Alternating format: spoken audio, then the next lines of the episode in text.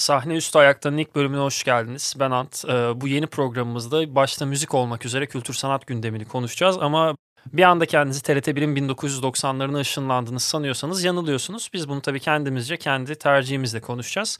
Ve bu programda ve bundan sonraki tüm bölümlerde bana eşlik edecek sevgili Cem Hakimoğlu ile birlikte bu işi yapmaya çalışacağız. Merhaba herkese. Cem'ciğim hoş geldin. Biraz kendinden bahsetsene ama bunu böyle ben Cem şu yaştayım gibi bir yerden değil. Ben sana biraz daha yani gerçek Cem'i insanlar tanısın istiyorum. İlk Tabii. bölüm önemlidir. Ee, bana ilk crush'ını ve ömürlük crush'ını bir söylersen insanlar seni daha iyi tanır. Tamamdır Ant. Ee, çocukluk crush'ım aslında ben Disney Channel'la büyüdüğüm için e, Lemonade Man filmiyle aslında tamamen hayranlığımı kazanan e, Bridget Mendler olabilir. Ben tanımıyorum. Hiçbir fikrim yok. Sen Nickelodeon mıydın? Nickelodeon. Ha. Bizde Jamie Lynn Spears falan vardı.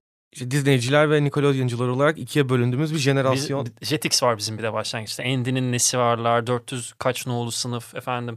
Lapacı ile Korsan Jack. Bridget Mendler diyebilirim çocukluk crush'ım için. Hala açıp açıp izlediğimiz, açıp açıp dinlediğimiz e, bizim jenerasyonumuzla özdeşleşmiş. Bence çok güzel bir iş. Ömürlük crush'ıma gelirsek e, son yıllarda yaptığı tüm filmlerle aslında gişede ne kadar başarılı olup olmadığı tartışılır ama neyse ki son anda Barbie yaptı ve en azından gişelerin kraliçesi oldu tekrardan. Margot Robbie diyebilirim. E, özellikle Babylon'daki Margot Robbie tek kelimeyle muhteşem bence. Ben bir de buna e, Scorsese dedemle beraber yaptığı filmi de şu an adını hatırlamıyorum. Leonardo DiCaprio ile yaptığı 2013'teki film. Orada da inanılmazdı. Adını Wolf an- of the Wall Street. Wolf of Wall Street yaşa unuttum bir an.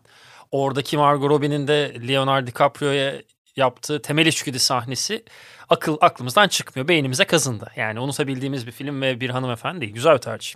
Senin peki ben de sana sormuş olayım. Ben biraz yerel bir başlangıç yapacağım. Ben e, 2000'lerin ilk yarısında her şeyle müzik, atıyorum spor veya sinema ile ilgilenmeye da dikkatimi çekmeye başladan ben Şebnem Dönmez'le ilk crush'ımı yaşadım. Neredesin Firuze 2004 Ezel Akay'ın filmi. Benim sinemada izlediğim ilk filmdi. Hatta pandemiden çok kısa bir süre önce belki sen de hatırlarsın Marina Abramovic sergisi olmuştu. Sabancı'da mıydı bir yerdeydi. Orada Şebnem Dönmez'in bir e, Gilda performansı vardı orada. Tamamen kilitlenmiştim. Yani hanımefendiye bir yandan da fark ettim. Hala bir crush'lığım olabilir. Ee, se- saygı ve sevgiyle kendisini takipteyiz. Şu anki crush'ıma gelirsek iki cevabım var. Bir Aubrey Plaza. Ya Aubrey Plaza bir ne der? Turnusoldür ya. Aubrey Plaza bir turnusoldür. İnsanın zevkleri önemlidir. Hani kimi, ne, kimi neye niye tercih ettiğine Aynen öyle. bakarsın ya. Aubrey Plaza biraz öyledir. Bir yandan da bir müzikle bu kadar ilgili olduğum için tabii müzikten de var bir crush'ım. Ve Kim peki? kendisi e, tabii ki Dua Lipa. Doğan belli, duyan belli. Yani bir insana ya esmer ya da koyu kumral bir insana sarı saç yakışmaz. Hem de platin hiç yakışmaz. Biz onu da like'ladık. Biz genel olarak like'lıyoruz hanımefendiyi. Hani arada iniyoruz böyle saat 10'da 9'da Instagram'ın çukurlarında. Bak bakıyoruz 2016'daki paylaşımlarına bir anda bir ne haber canım like atıyoruz. Severek takipteyiz. Dua Lipa ama e, Dua Lipa'yı bizim kadar sevmeyen insan en azından benim kadar sevmeyenler de var. Burada biraz da Golden Globe altın küre, küreye sallayacağım. aynı şekilde. E tabi yani buradan şunu anlayabiliriz. Golden Globe'un sinema sanatındaki zevkleri belli bir seviyede olsa da genel hayat zevkleri biraz düşük kalıyor. İşin şakası bir yana e, Golden Globe'da zaten müzik tarafından ben alayım hele. Yani Barbie yanlış bilmiyorsam 3 şarkıyla aday oldu. İşte I'm Just a Can, Billie Eilish'in What Was I Made For? Dua Lipa'nın Dance Night şarkısıyla. Ben şarkının iyiliği kötülüğünde değilim. Dua Lipa bir yere adaysa biz Dua Lipa'nın tarafındayız. Ee, o yüzden Billie Eilish'in kazanması beni biraz üzdü ama Billie Eilish'i de severiz. Ee, öyle bir tarafı vardı ama yani bir yandan da Golden Globe dediğimiz hikaye aslında sanat, sinema. Hani yed- benim de hep dediğim bir şey var. Sinema sanat olsaydı yedinci sanat olmazdı. Ee, Buradan sinema severlere de sevgiler, öpücükler gönderiyorum ama bu, o yüzden ben burada sinemaya bunu deyip üzerine konuşmayayım. Topu veya mikrofonu sana devredeyim. Evet ben de burada sahne üstü ayakta da sinemayı temsilen bulunduğum için e, sinema yedinci sanat olsa da bizim gönlümüzde birincidir e, demem gerekiyor senin notuna. Müzik nerede o zaman? Müzik kalbimizde. Sinema gönlümüzde, müzik kalbimizde. Ya bu biraz şey gibi oldu. Atam dolma bahçede saat 9'u 5 geçe gibi bir cümle girişi o yakışmadı ama peki. Biliyorsunuz geçtiğimiz pazar günü e, Altın Küreler sahibini buldu. 81. kez yanılmıyorsam. Ve aslında sektör ödüllerinin de eleştirmen ödüllerinin de yavaş yavaş netliğe kavuştuğu bu dönemde en iyi Oscar'ı kim alacak gibi bir sorumuz varsa şayet aklımızda belli yanıtlar artık hani karşımızda var. E, filmde Oppenheimer'ın drama kanadında birinci geldiği, müzikal komedi tarafındaysa Poor Things'in, e, Yorgos Lanthimos'un son filminin zirveye ulaştığı e, ödül töreninde aslında dediğim gibi her şey ufak ufak iskeletini oluşturmaya başladı ve yarışın dört filme kadar indiğini söyleyebiliriz. Yönetmen tarafında ise Christopher Nolan'ı endüstrinin ne kadar sevdiğini bir kez daha görmüş olduk. Altını büyük bir zaferle çizdi. Oppenheimer zaten geceye damga vurmuştu ama Killers of the Flower Moon'la Martin Scorsese ve The Holdovers'la Alexander Payne bu yarışta yer alırken Oppenheimer'ın zaferi ödül sezonunda nelerle karşılaşabileceğimizin artık bu saatten sonra. Tamam, onu anladım. Oppenheimer aydınlık bir taraf mı çiziyor? Yani Oppenheimer hadi neyse tamam devam etsen. Oppenheimer son bir saatinde yeter bir artık şu, Mehmet Büyükekşi gibi Türkiye Futbol Federasyonu Başkanı'nın çıldırması gibi yeter diye susmalarını istemiştim. Çok zorlayıcıydı. Yani anlamıyorsun Nolan'ın filmlerini dediği için ee, belki bir noktada artık gözümüze sokarak anlatmak istemiş. Valla şöyle diye. Neyse hadi devam et şey yapmayacağım. Yani Nolan sevdalarıyla ilerleyen bölümlerde sanat 7. sinema sanat olsa 7. mi olur diye devam edeceğim konuşmaya. Oyunculuklarda ise erkek oyuncu dramada Cillian Murphy'nin, kadın oyuncuda ise Lily Gladstone'un zafere ulaştığı, e, Paul Giamatti'nin The Holdovers'ın başrol oyuncusunun komedi müzikalde en iyi erkek oyuncuyu, Emma Stone'un ise Poor Things'de en iyi kadın oyuncuyu komedi müzikalde olduğunu tekrar altını çizmek istiyorum. En iyi oyuncular ödülüne sahip olan dört isim bu şekilde senaryo tarafında yabancı dilde en iyi filmle birlikte anmak istiyorum bu kategoriyi. Ee, Justin Trier'in sanırım Justin diye okunuyor. Justin Trier. Justin mi? Benim frankofonluk burada devre dışı kalıyor. Ben Almancıyım. A2'ye kadar Fransızca almıştık. Devam. Bizde Almancılık var maalesef. Ya da niye maalesef? İyi ki. Almanlıktan aldığın tadı hayatta başka neyden aldın? Bilardo? Snooker. Tamam neyse karikatürü şu an içinden geçtin. Devam et canımı sıktın şu an. E, Anatomy of a Fall hem en iyi senaryoda hem de yabancı dildeki en iyi film kategorisinde birinci geldi. E, Fransa bu noktada acaba e, uluslararası Oscar yarışına Anatomy of a Fall'u sokmadığı için pişman mıdır? Bence değiller. Sebebi şu Fransızların biraz yaklaşımına hakimsek. Nitekim yani yıllardır sinemayla da yani 10 yıla yakındır izlediğim için yaşım doğrultusunda. Fransızlı yani bir Fransa filmin nedir? Anatomy of Fall'dan ziyade işte neydi? Taste of Things'te daha iyi anlıyoruz. Taste of Things de bence bu arada bayağı iyi film ama Anatomy of Fall tabii, tabii çok ayrı bir noktada. Bu arada Anatomy of Fall ben o kadar büyük hayran değilim. Çok beğendiğimi de söyleyemem. Ama bunun sebebi senaryosu değil. Senaryo bence filmin uzak ara en iyi noktası.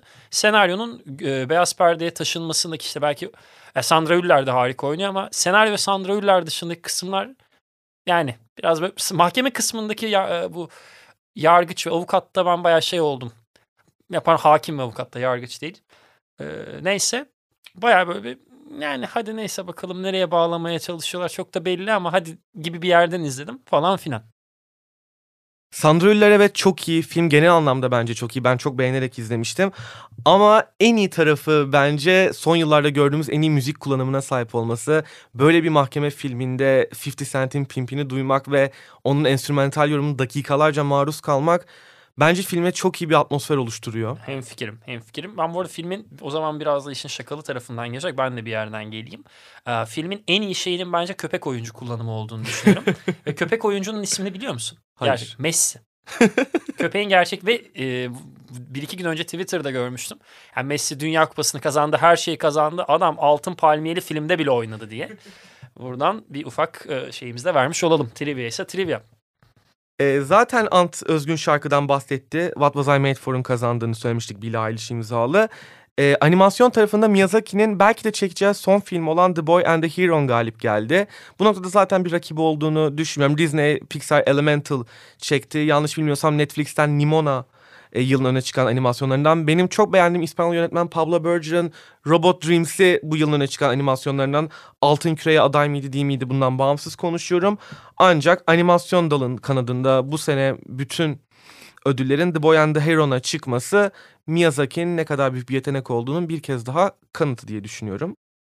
E, dizi tarafına geçelim isterseniz. Dizi tarafında e, üç dizinin aslında kendi kanatlarında büyük fark e, koyarak ortaya galip geldiğini söyleyebiliriz. Drama tarafında dördüncü sezonuyla Succession final yapan bir muhteşem diziyi ödüllendirmekten daha kolay ne olabilir zaten. E, kolayı burada tabii ki negatif bir anlamda söylemiyorum. Succession canımız ciğerimiz.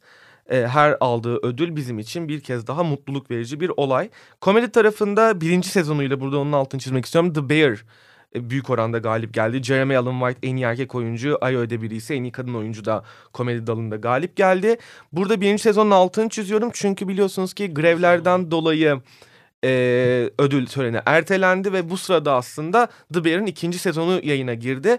Yani The Bear'ın aldığı buradaki başarı önümüzdeki sezonda aynı trendi gösterebilir. Çünkü ikinci sezonuyla bu sefer yarışta olacak Ki film bence ve ikinci sezonu çok çok daha güçlü. Hani bir e, Christmas'taki yemek sahnesi ve final bölümünün son 10 dakikalık e, kısmını açıp açıp izliyorum. ben henüz ikinci sezonu izleyemedim Kesinlikle ancak ilk sezondan tahmin edebiliyorum söylemek istediğin şeyi. E, tam olarak öyle bir yerde değil. Yani hakikaten karanlık bir yerde zaten dolanıyor dizi ama bu artık zifiriye gidiyor iş. Bayağı zifiri yerlerde dolanıyor. Yani Kafkaesk tarafları falan da var hikayenin. İlk fırsatta bakacağım ben ona. Ee, ya. özellikle son bölümün son part, işte son 15 dakikasını hakikaten temiz kafayla bir oturun izleyin. Arada açıp böyle canım mı sıkıldı, üzülmek mi istiyorum? Aç izle, çiçek gibi. Ya Ted Lasso'dan sonraki yani Ted Lasso'yu eğer bir dönemin sonu diye kabul edersek komedi kanadında The Bear'ın yeni bir e, dönemin başlangıcı olduğunu da söyleyebiliriz. Kendi prime dönemi içerisinde bahsediyorum bundan. E, Ted Lasso artık final yaptı hayatımızdan çıktı ve tüm gücüyle rakipsiz bir şekilde The Bear bu kanadın yegane temsilcisi.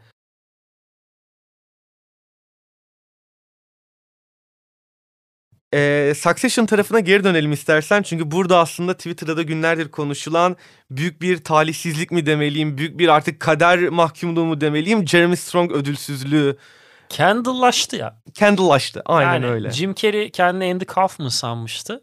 Bence Jeremy Strong da kendini Kendall Roy sanıyor artık. Nasıl bir metod oyunculuğuysa bu artık. Hani kardeşim çıkın artık şuradan. Kendini bitirmektir bu. E, Kieran Culkin'in ödül aldığı, Sarah Snook'un ödül aldığı, Matthew McFadden'in ödül aldığı, Brian Cox'un James Strong'la beraber aday olduğu bir gecede tüm kardeşler damat bile ödül aldı ama James Strong Kendall'ımız ödül alamadı.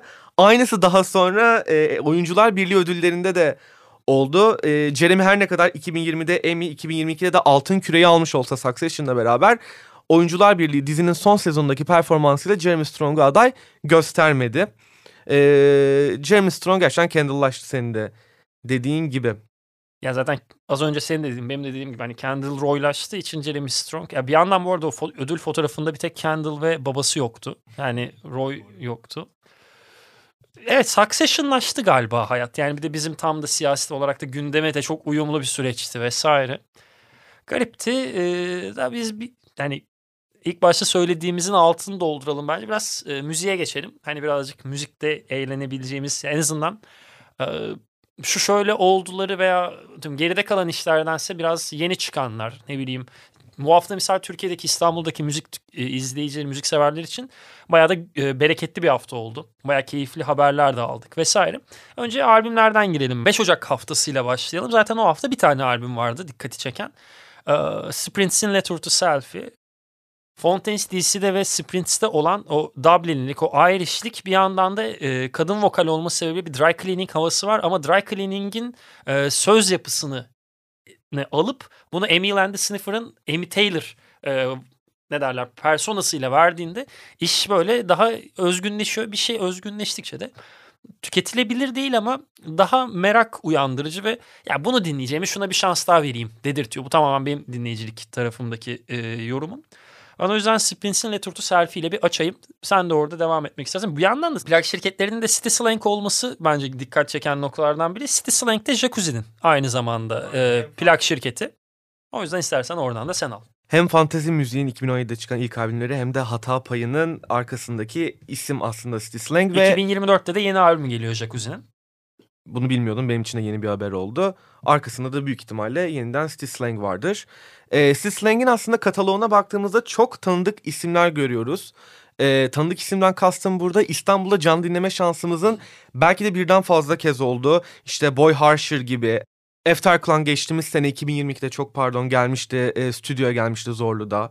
E, keza Los Bichos bu sene e, geçen sene artık 2024'e girdiğimize alıştırmam 2024. lazım kendime. 2004 birazcık geride kaldı. 2024. Aynen öyle ben biraz takvim almalıyım galiba Ee, yani kendime. Pierre Van Hooydonk şu an gözümün önünde dolanıyor 2004 deyince. Yani bir anda yıl oldu. Luis Figo ile Paoletta karşılıklı depar atıyorlar pardon. E, Nogueres yine 2022'de birkaç kez gelmişti ve son olarak sen de gittin diye biliyorum. Ben kaçırdım maalesef konser ama Roosevelt geldi Roosevelt'e ben gitmedim. Roosevelt'e gitmedim e, ama giden arkadaşlarım vardı taş gibi çaldığını öğrendim. Ee, senin dediğine çok katılıyorum. Ee, Dublin sahnesi gittikçe büyüyor, gittikçe ilgimizi çekiyor. Ee, Gila Band, The Murder Capital, Pillow Queens ve senin de dediğin gibi Fontaines DC artık hayatımızda her anda e, haberini aldığımız, yeni kayıtlarıyla merakta kaldığımız isimler. Ve e, Sprints'in de bu ortaya attığı dediğin gibi Dry Cleaning'le, Emil and the Sniffers'la e, benzer bir şekilde yaptığı bu post-punk belki slash koyup bir de garage punk demeliyiz buna. Yaptığı bu hem politik ama özgün ama kişisel ama evrensel bir yerden hitap ettiği kataloğu, yeni kataloğu ve ilk kataloğu da demek belki burada önemli. Çünkü bir ilk albüm için gayet başarılı. Kataloğuna güzel bir başlangıç. Aynen öyle. Takip edilesi bir diskografiyi kurmaya başladılar Ben de bir diyebiliriz soruyla bence. geleyim o zaman sana. U2 haricinde İrlanda'dan çıkan ya da Kuzey İrlanda'dan çıkan politik tavrı olmayan biri var mı müzik tarafında? Benim aklıma gelen yok. İrlanda deyince aklıma ilk Dexys Midnight Runners ve Sinead O'Connor geliyor ve ikisini de siyasi görüşlerinden bağımsız tutamayacağımız için haklısın Ant'cığım. Rica ya. ederim. Ant peki ben de sana şöyle bir şey sormak istiyorum. Letter to Self'le çok güzel bir şekilde girdik 2024'e. Bu kadar enerjik, bu kadar dinamik ve bu kadar yetenekli bir grupla çiğ bir anlamda, başladık. olumlu anlamda. Bayağı da çiğ bir albüm ve çiğ albümleri ben ekstra severim.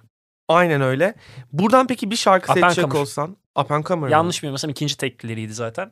Ee, ben de albüm çıkmadan önce işte 2024 Ocak'ta neler çıkacak dikkatimizi çekecek diye işte yazdığım dergi koma bir içerik yaparken Up and Comer'a denk geldim ve şey dedim. Ne oluyor lan burada? Bu nasıl bir şarkı? Ve albümü dinledikçe albümde çok iyi fikirler, çok iyi e, dokunuşlar ya da e, bir konserde eşlik ettiğimi duyduğum yerler var. Ama Comer aralarında hakikaten bu Belki şöyle söyle bir senin cevabını da soracağım ama e, Letter to Selfie nasıl bir albüm olduğunu bence en iyi anlatan şarkı. Bu bencesi. Sence? Kesinlikle katılıyorum sana. Comer'ın altında yatan o hırs gerçekten albümü tanımlamaya yetiyor. Ama benim kalbimi çalan şarkı Adore Adore Adore. O da yanlış bilmiyorsam üçüncü teklileriydi albümden yayınladıkları. Ve e, günlerce dilime pelesenk oldu. Sürekli şarkıyı mırıldandım ve e, üzerinden bir haftadan fazla vakit geçmesine rağmen hala her gün düzenli olarak dinlediğim tek şarkı bu albümden. O yüzden ben de Adore Adore Adore demek istiyorum. E, bence ikisini de dinlemelisiniz. Eğer Letter to Self'i tamamen dinlemeyecekseniz bile. E, Sprints'in nasıl bir grup olduğu ile ilgili çok güzel bir kılavuz oluşturabilirler sizin için. Ya bir yandan da şöyle bir şey var hani e, yine onların hemşerisi olan Fontaines DC'nin de olduğu gibi hani İstanbul'da önemli konserler açıklandı. Yani Sprints'i ben bir konserde 2024'te atıyorum birinin önü olur atıyorum. Bir açık hava festivali bir yerde ya da bir kapalı bir alanda küçük bir mekanda bir konserde denk gelsem şaşırmayacağım isimlerden biri. Radara girdiğini de düşünüyorum. Yani çünkü bazı organizatör arkadaşların tanıdığım insanların da grubu paylaştığını gördüm. Ee, o yüzden de bence tanışmak için iyi vakitler ve bir yandan ben her zaman şunu e, savunuyorum. Potansiyeli olduğunu ve size hitap ettiğini bir kez düşündüğünüz bir daha ilk şarkılardan yakaladığınızda bence radarınızda tutmaya devam edin. Ama galiba bir yandan da şöyle bir problem ya- yaşatmışlar takipçilerine. Baya spam basmışlar. Hani bakın arkadaşlar biz albüm yaptık bunu alın bizi bunları kaydedin biz öne çıkalım daha çok insana şey yapalım diye. Ya hani anlıyorum da galiba ben yaşlı insanlardır maksimum 20'lerin ortalarındadır. E, tamam okey anlıyorum da abi hani zaten müziğiniz çok iyi. Rough Trade sizin direkt arkanızda sizi sürekli pushluyor, itiyor. Bilemedim. Öyle bir durum var. Ee, bir yandan bu hafta çıkan albümler de var. İstersen çok ufak da ona bir girebiliriz. 12 Ocak'ta yayınlanan albümlerden senin The Vaccines'i dinlediğini biliyorum. Doğrudur. Şöyle albümün bazı teklerini dinlediğimde ulan iyi bir şey çıkıyor. Ya bazılarını dinledim daha yine fazla neşeliler dedim. Albüm komple çıktı dinledim iki tur. Belki biraz daha dinledikçe daha farklı noktalar da fark ama bayağı el yüzü düzgün bir albüm. English Graffiti seviyesinde değil ama e, kendi standartlarında bence iyi, bence hakikaten iyi albüm. Onları söyleyebilirim ama benim asıl dile getirmek istediğim albüm, e, hatta bunu da yazmıştım. Infant Island'ın e, Obsidian Red albümü. Bunu bu arada önermiyorum hiçbirinize. Hani bayağı sağlam bir şekilde yıllarca kulak zarıma kulak zarımın ve kulağımın duymasını risk edercesine black metal dinlemedim di- di- black metal dinledim demiyorsanız önermiyorum. Ve fakat dinlediyseniz e, harika bir black metal davulculuğu, çok iyi fikirler. Yani aslında çok kapalı bir tür black metal veya metalin ekstrem türleri. E, Buna rağmen çok zekice ve çok e, yaratıcı dokunuşlar var. E, bunun yanına bir yandan da shoegaze tipi vokaller ekliyorsun. Ortaya çıkan iş muhteşem. Yani benim şimdiden yıl sonu listesinde olduğunu e, olduğunu emin olduğum ilk albüm olan Sprints bile tartışılır. Bu albüm bende tartışılmaz. Zaten aslında şöyle bir noktaya değinmek istiyorum. Ocak ayı yeni müzik yıllarında o kadar kıymetli ki aslında dinlediğimiz ve yıl sonu listelerine aldığımız pek çok albüm Ocak ayında çıkmış oluyor. Örnek vermek gerekirse 2021 yılında Arlo Parks'ın Collapsed in Sunbeams'i, Shame'in Drunk Tank Pink'i, 2022 yılında Yardect'in The Overload albümü, çıkış albümü ki bence Onlar da bu sene albüm yapıyor 1-2 ay içinde. aynen Mart'ın- Future Utopia İsmini hatırlamıyorum. 1 ya da 8 Mart'ta olması lazım. Onların Aynen onlar da geliyorlar. Gümbür gümbür geliyorlar hem de. Vakti geldiğinde konuşuyor oluruz. Geçtiğimiz senede The Murder Capital aslında e, Unique bombasıydı onlar. Jesus Recovery ile yine hepsi tesadüfi bir şekilde Ocak ayının 3. cumasına denk getiriyorlar bu büyük şaheserleri yayınlamak için. O yüzden önümüzdeki haftadan çok ben aslında 19 Ocağı merak ediyorum. Valla önümüzdeki hafta benim bir Sleater Rankini vardı. Onu önümüzdeki hafta konuşuruz. Sen bence bu hafta çıkan kendi tarafına biraz geç. Ee, Bill Ryder Jones dinleyenleriniz vardır. Belki ben Yakida ile keşfetme şansı buldum kendisini. Ama e, biraz hayat hikayesini okuduktan sonra ne kadar kişisel bir iş yaptığını, e, ne kadar e, sakin bir biçimde kendi içindeki o mutluluğa ulaşmaya çalıştığını, bir yolculuğun içerisinde bulduğunu kendini inandığım bir albüm oldu Yakida. E, çünkü aslında e, erkek kardeşini kaybetmiş çok küçükken e, stres, anksiyete gibi e, hastalıklarla mücadele etmiş. Ve yanlış bilmiyorsam kronik stres yüzünden 2000'lerin başında kendi kurduğu gruptan da ayrılmak zorunda kalmış. Aslında kişisel hayatına belli yokuşlar tırmanmış, belli çukurlara düşmüş, belli engebeli yolları aşmış biri. Ve e, albümün içi o kadar katmanlı ki James Joyce'tan da alıntılar var, Ulyses'ten de alıntılar var. Bir e, 69 yapımı Brezilya e, şarkısından da bir sample var. Ya da bir çocuk korosuyla bir araya geldiği bir işbirliği, bir teklisi var e, çok ümitvari bir şekilde bakıyor aslında kendi yaşamına ve geleceğine. Bu açıdan da aslında Bill Ryder Jones tanısanız ya da tanımasanız da kişiselliği üzerinden çok güzel dinleyicisiyle bağ kuran bir albüm. Samimi bir müzisyen diyebiliriz yani. Kesinlikle ve arkasında Domino Records var. Domino Arctic- Records'u bilmiyorsanız da Arctic Monkeys'in e, Favorite albümüyle birlikte arkasına geçen al- şey plak şirketidir ve bayağı hakikaten güçlü albümler çıkartan bir şirket. Yakın tarihte Wet Leg'i de almışlardı. Wet Leg gibi güçlü bir isim de var arkalarında. Benim çok sevdiğim post-punk grubu Proto Martyr de arkalarında. Son albümleri dışında çok severim. Ben son albümü de çok beğeniyorum biliyor musun? Yıl sonu listeme de almıştım hatta. Ben bir, bir tık bir tık bir hayal kırıklığı yarattı. Ne da. yapsa Neyse. dinlerim ya ben. Biz de dinledik de hadi neyse. Öyle valla benim tarafımda The Vaccines vardı yalnız henüz dinleyemedim onu ve bir Ryder Jones aslında dikkatimi çekiyor. Infantile'da da sırf böyle dediğin için bakacağım mutlaka. Ee, Black metal tarafına çok hakim değilsen ve çok alışkın değilse kulağın hiçbir şey çekmez. Çok net söyleyeyim Black bunu. metal benim için Portekizce gibi bir şey çok Ee, O zaman hiç bulaşma. Ya, bu arada bunu bütün dinleyiciler için söylüyorum. Hani e, Vatein'ler, Dissection'lar size sert geliyorsa ya da hiç dinlediğiniz mi onu da bir Emperor'lar. Burada gerçekten kulaklığınızı yarı sesle dinleyin. Hakikaten zorluyor. Öyle bir durum var. Ben işe gelirken misal dinlemedim. Ee, evde biraz daha açık yani bilgisayar hoparlöründen dedim zorlamamak için. Ee, ben bir iki şeyden daha bahsedeceğim. Ee, bir albümden bahsedeceğim onu sona bırakacağım. Riot grubunun Peace Sign teklisi çıktı yine 12 Ocak'ta. The Black Keys'in ben çok severim. Beautiful People Stay High çıktı. Bu bize bir anlamda 2024'te yeni Black Keys albümü geliyor demek de olabilir. Umarım da öyledir. Ee, ben son albümlerini bayağı beğeniyorum. Son birkaç albümlerini. Bir yandan benim e, resmen fetiş oyuncuma dönüştü. Bayılıyorum. Ee, Yusuf Days'in e, yani bir dönem davul çalmayı denemiş biriyim ve davulla ufacık da olsa bağlantısı olan bence herkesin bir şekilde dikkatine radarına girmesi gereken bir isim. Yusuf Days. Onun e, teklileri devam ediyor. The Color Purple çıktı. Yani e, albümün içinde bir yer, şarkının içinde bir yerde beni bu şarkıdaki ataklarla, beni bu şarkıdaki e, ritimlerle yıkayın deme isteği doğdu içimde. Muhteşemdi. Ant'ın gözündeki mutluluğu görmenizi isterdim şu an Yusuf Days'den bahsederken. Gerçekten Bayıldığım bir müzisyen. Yani e, son ben ne zaman 2021 ya da 22'de keşfettim. Pandemi yeni yeni düzeliyordu. E, keşfettiğim günden beri ha- müzikten aldığım tadı arttıran biri kendisi.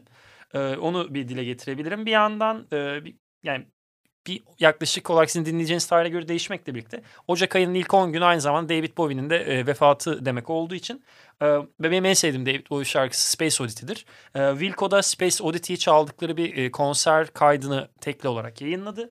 En son olarak Foley Group'tan bahsedeyim e, müzik tarafında. Foley Group e, Down There albümüyle işte zaten e, single'ları çıkıyordu. Aynı zamanda EP ve yayınlamıştı. 2021'de Awaken Hungry diye ki muhteşem bir e, EP'di.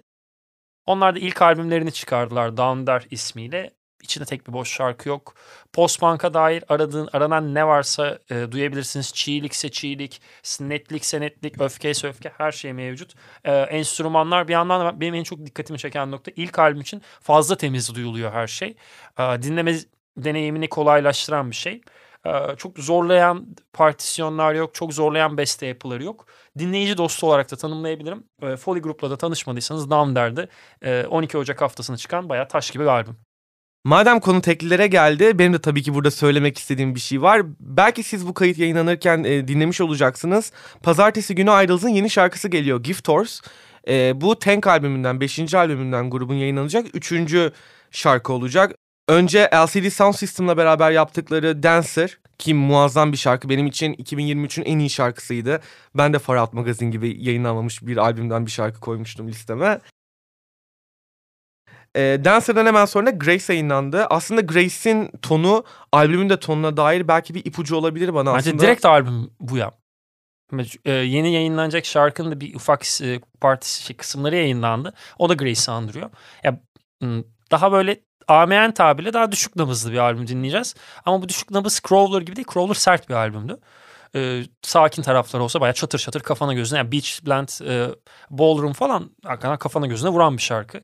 The Wheel vesaire muhteşem şarkı. Car Crash keza. Car Crash ne bileyim MTT 420 yani muhteşem şarkılar var sertlik bakımından. Bu daha görece sakin bir albüme benziyor. Ama biz de onlara ne diyoruz? Love is the thing. Love is the thing. Ee, brutalizmle başlayan yolculukları Joyous an Act of Resistance'la hepimizin efsaneler arasına yazdı. Bence son 10 yılda çıkan en iyi albüm. An Act of Resistance mı? Kesinlikle Yani öyle. The Strokes falan olduğu bir listeyle söylüyorum. Yani bence son 10 yılda çıkan en iyi albüm. 2010, 2015 sonrası dönemde. Da bu tamamen bizzat şahsen bana ait bir fikir. An Act of Resistance gerçekten bence de 2010'ların en iyi albümü olabilir. 2018 çıkışlıydı yanlış hatırlamıyorsam. Ve canlı dinlemek bu albümü benim için hani unutulmazlar arasına girdi. 2010'larda Joy as an Act of Resistance diyorsak 2020'lerde de bence şu an Skintifia diyebiliriz. Ve Skintifia'yı da yakın bir tarihte canlı dinleyecek olmakta. Artık gelelim şu konser konusuna ya. Aynen hadi öyle. Be. Aa, hadi birazcık da konser konuşalım ya. Abi azıcık konser konuşalım ya. Abi azıcık konser konuşalım ya. Bugün İrlanda'dan çıkamıyoruz. Biz zaten Fahri Dublinliler olarak. Bir de bize verseler. Yeşil pasaportla olur be. gidilemiyordu be. Neyse.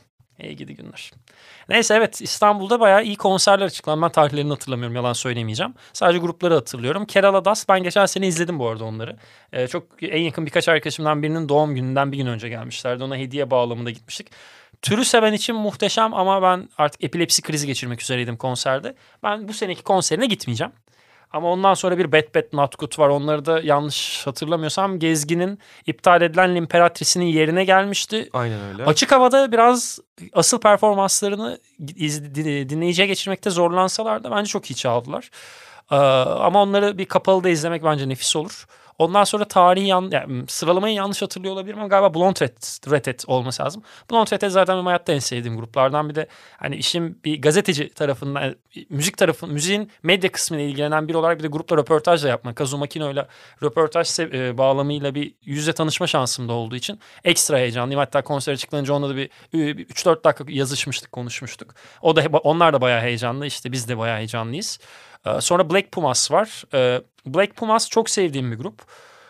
Son albümleri Chronicles of a Diamond bence ilk albümlerinin yarım tık altında daha gospel toplarına girmeye çalışmışlar. Başarılı olmuşlar ama bu tamamen tüketici bağlamında değişen bir nokta. Bayağı iyi bir albüm ama yine ben Colors'ı tercih ederim. Colors muhteşem bir başlangıç albümü. Hatta onların da 2020'de zorluya gelecekler. Hatta biletini falan da almıştık. Sonra olanlar malum. Pet Shop Boys'lar, Süetler hepsi yalan oldu. Ee, sonraki konserin adını hatırlamıyorum. Blonde Shell. Ha, Blonde Shell. Blonde Shell benim 2023'te keşfettiğim en mutlu olduğum gruplardan. Yani mesela Fontaine City'si uçup kaçtığım bir grup ama o konser biletleri arasında ilk önce Blonde Shell'i aldım. Öyle bir hayranlığım var. Çok heyecanlıyım. Hatta konser bahanesiyle grupla böyle bir bağlantı kurup bir röportaj ya da bir tanışmayı da çözmek için şimdiden hareketlere başladım. Partizan Records'taki sevgili Alice'le şimdiden muhabbeti kurduk. Bir çözeceğiz. Umudumuz o. Hadi bakalım. Bende Skintifia'yı plağı var bende. Bende de Skintifia var. Diye. Bende de Skintifia var. İşte kovalayacağız bunların hepsi Ağustos ayında bizi takip edin. Buyurun izleyin. Sahne üstü ayakta olu sah- Sahne üstü ayakta olacağız. sahne üstü ayakta değil sahne önü ayakta olacağız. Sahne önünden plaklarımızı sallayacağız. Onu Kimse- yapmam herhalde. Ben konser öncesi çözmeye çalışırım. Paşa paşa bir yere bırakırım. Bana da çözersen süper olur vallahi. Bilemezsin. Bilemezsin. Yok şaka bir yana. Hadi e, o bakalım. zaman ben sana şöyle sorayım. Fontaines bunun cevabı onu bildiğim için. Fontaines DC dışında en heyecanlandığın haber aralarında. Güzel soru. Ee, Fontaines tabii ki farklı. Fontaines'i zaten cevabımız olduğu için onu kenara ayırıyorum. Ben cevap vereyim önce. Blonde Tet. Benim de Blonde Red. Ya muhteşem bir şey olacak o ya. Ya bir de son albümlerini ben bayağı beğendim. Son albümlerimden ben özellikle Kiss Her Kiss Her şarkısını çok beğendim. Kiss Her Kiss Her'ı canlı dinlemek için sadece bile Çalacaklar.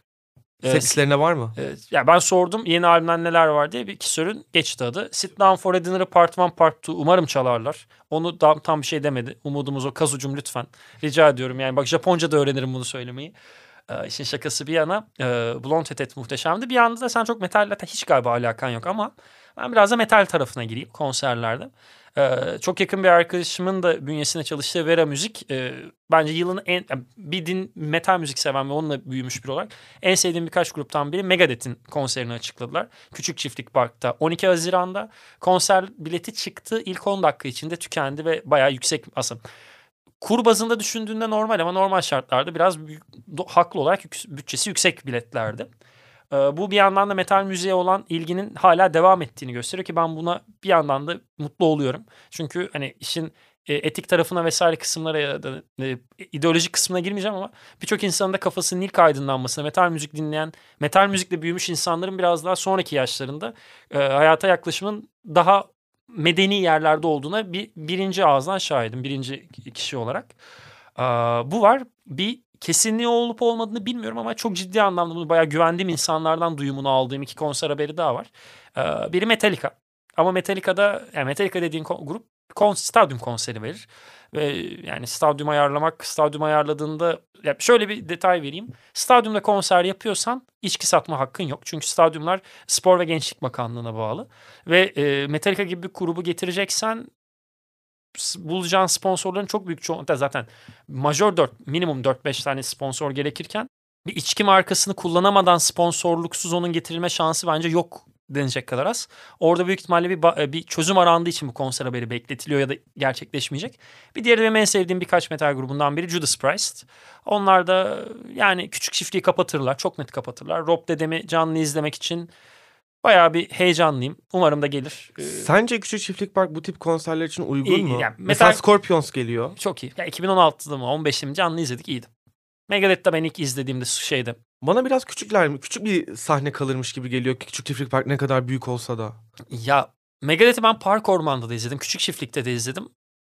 Park Orman evet biraz daha iyiydi ama bu büyüklük küçüklükten ziyade ses sistemiyle ve aslında masayla ilgili bir hikaye. Abi o zaman Depeche Mode da Avrupa turnesine çıktığında getirselerdi keşke. İşte bazı grupların kaşe büyüklüğünün altından sadece stadyum konseriyle kalkarsın ve sağlam bir bütçe. Yani Metallica'nın tahmin ettiğim bütçelerinin altından kalkmak için 30 bin 40 bin kişilik bir stadyum kapatacaksın.